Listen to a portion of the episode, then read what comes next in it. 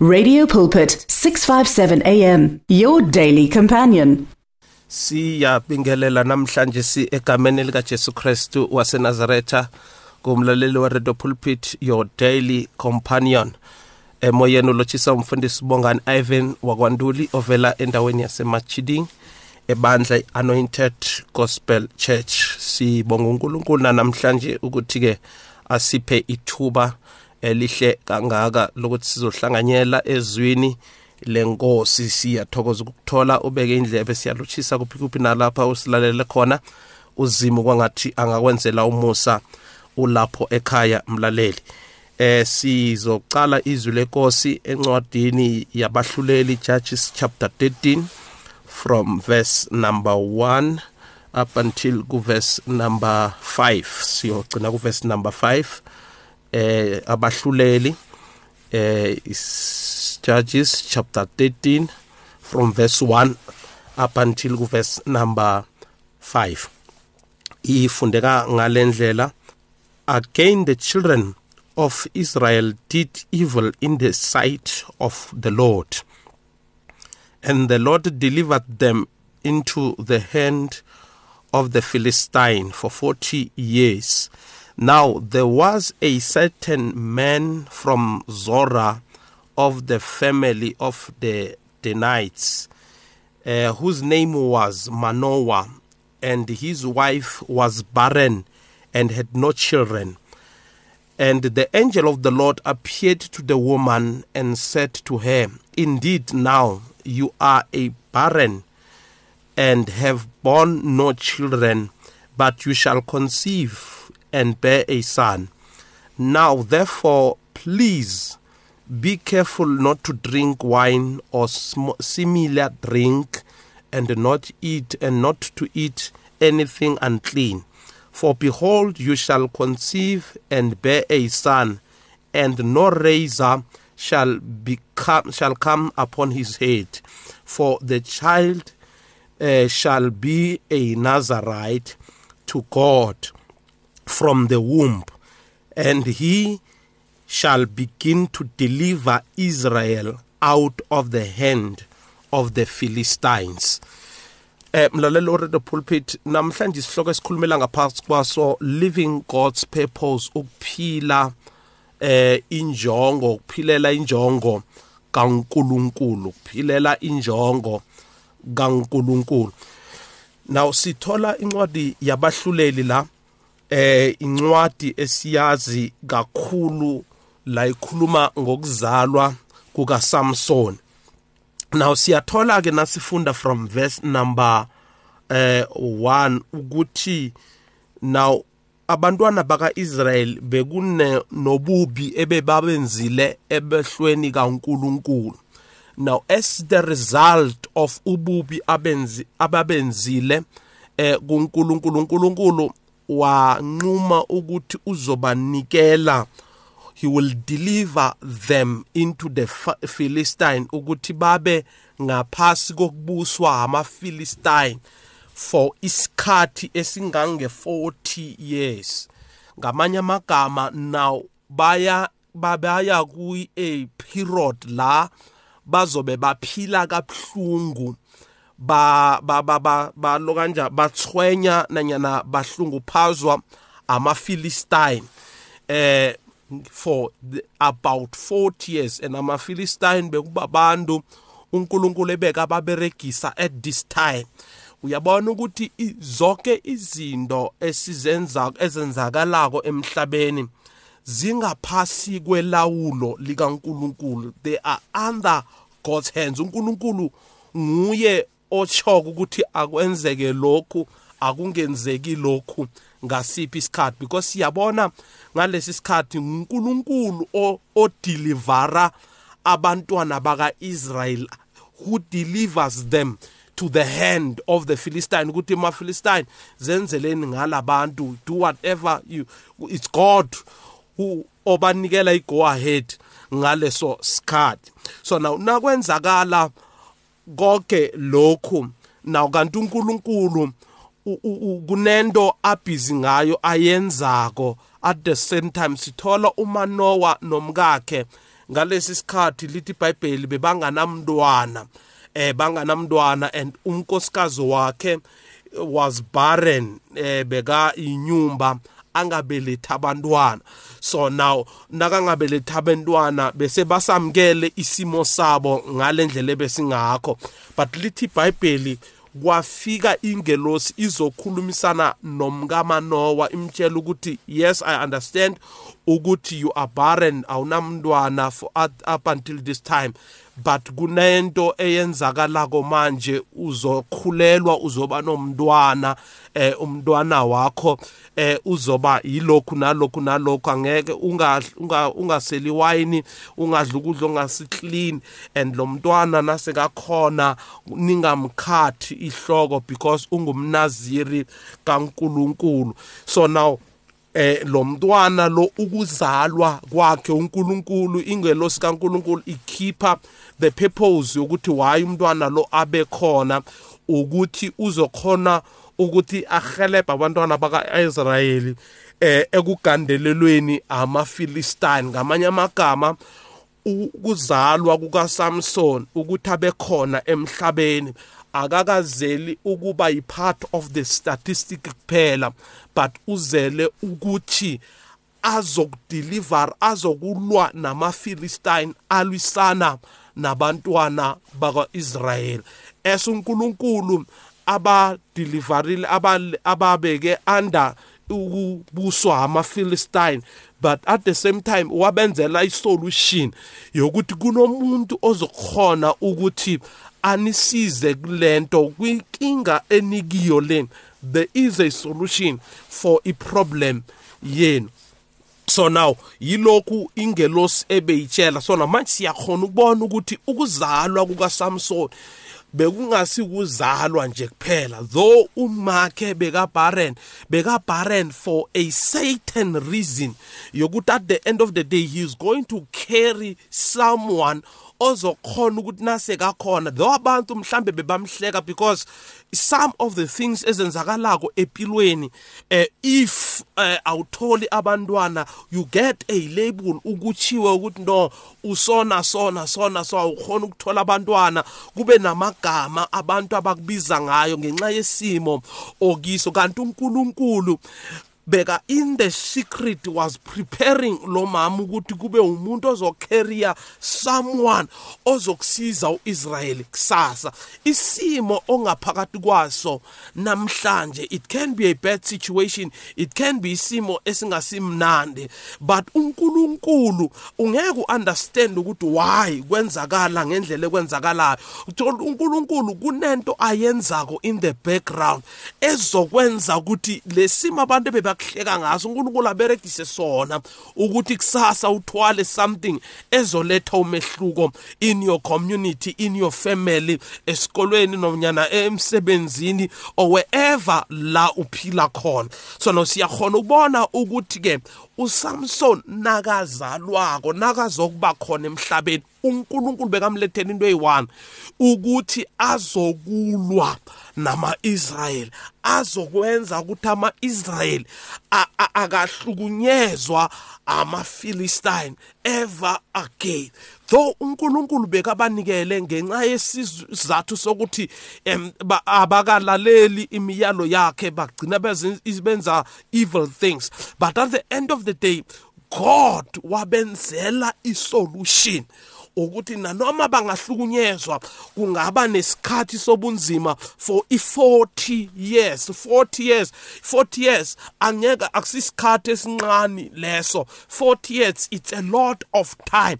Now siqala inumber 40 ngokuya kweBhayibheli it's a test a number of tests. Once wapasa that 40 then vane kusho ukuthi naw seku strong so manje uNkulunkulu naye bekababeke under isikhathi sika 40 years ukuthi emdele ububi lo bebenza inhliziyo zabo zilungiseke qondo zabo wherever okwenzakalayo.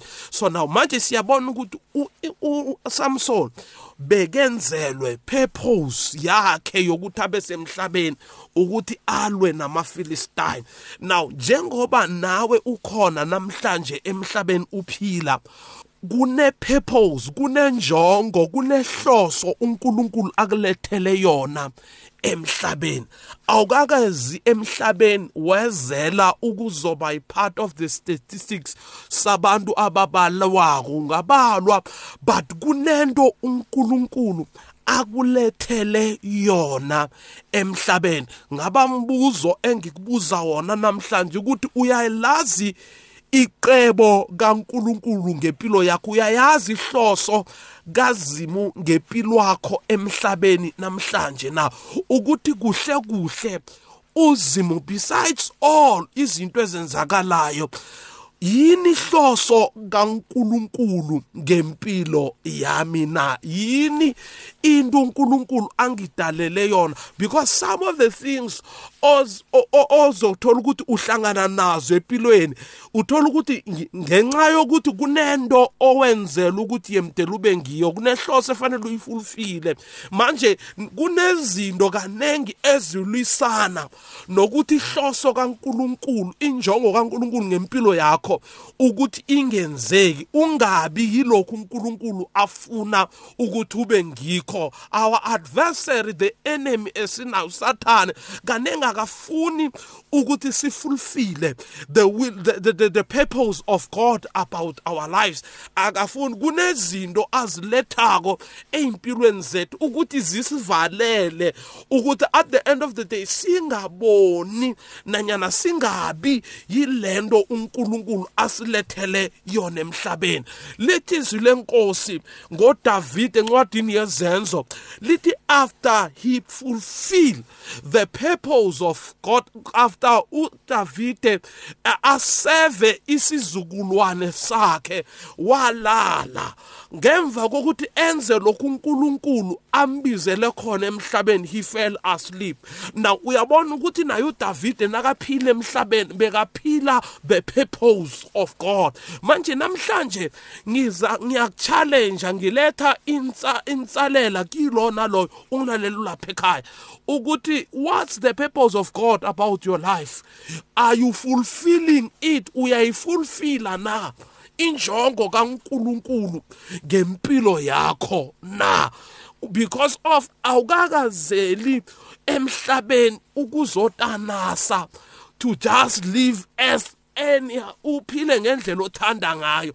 Now the, kanengi nasiphila ipurpose kaNkuluNkulu. Asenzi nanyana yini? Kunala singeke singene khona kunezinto engeke sizikhulume kunabantu engeke sikhambe nabo.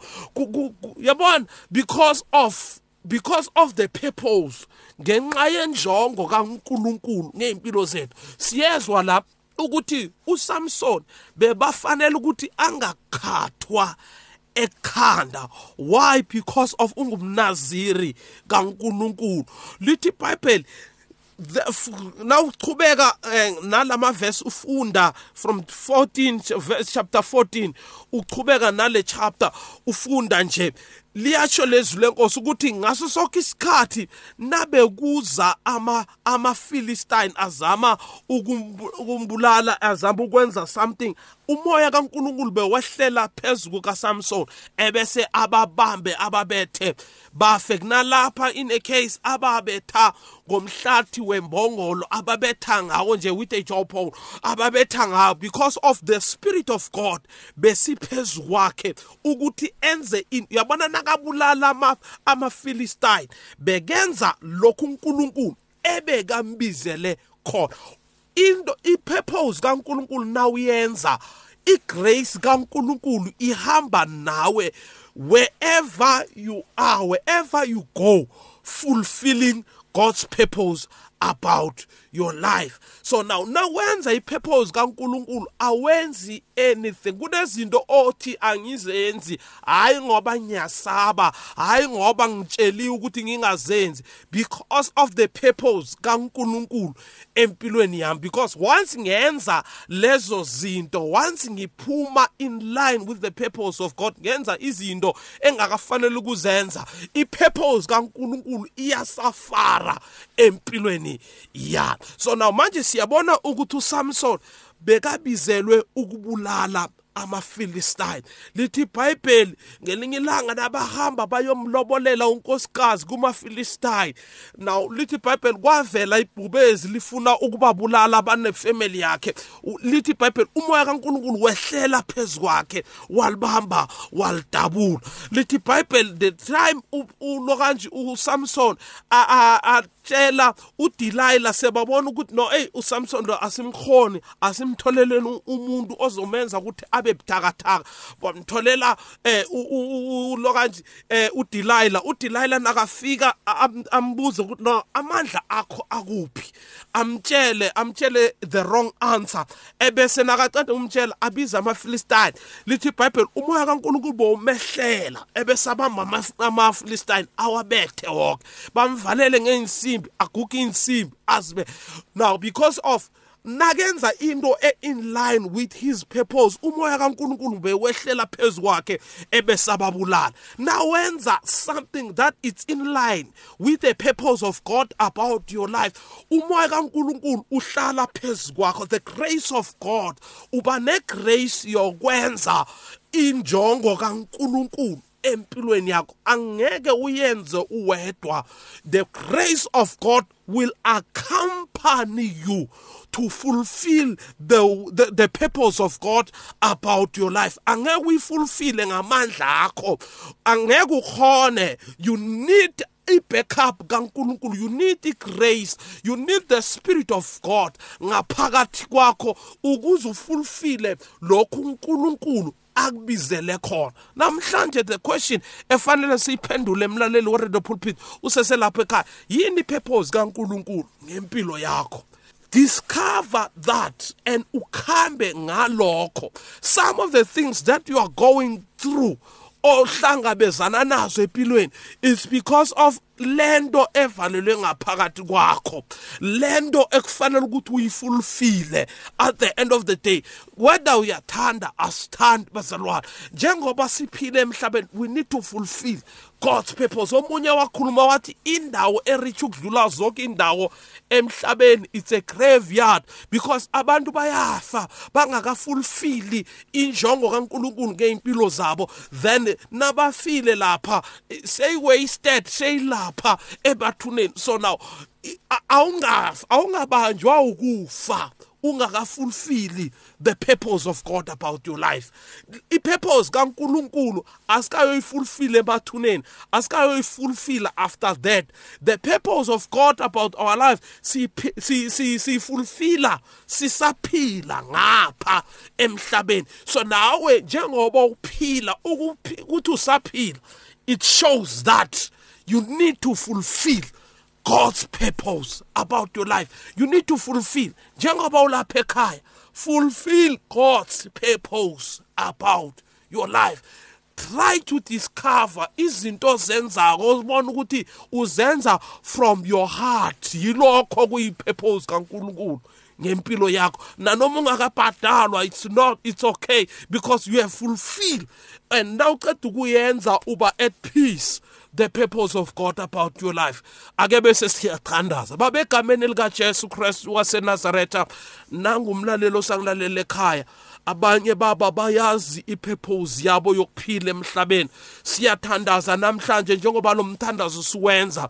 uNkulunkulu onamandla onke akube ne discovering uNkulunkulu onamandla onke kibo ukuthi uNkulunkulu onamandla onke ubabizeleni egameni nasegazini lika Jesu Christu waseNazaretha. Siyabonga in Jesus name. Amen.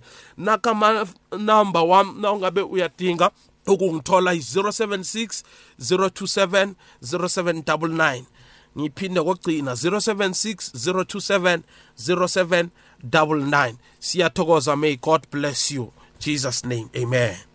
The words of the lord are words of life. Your heart is on 657 am 657 am radio for believers in action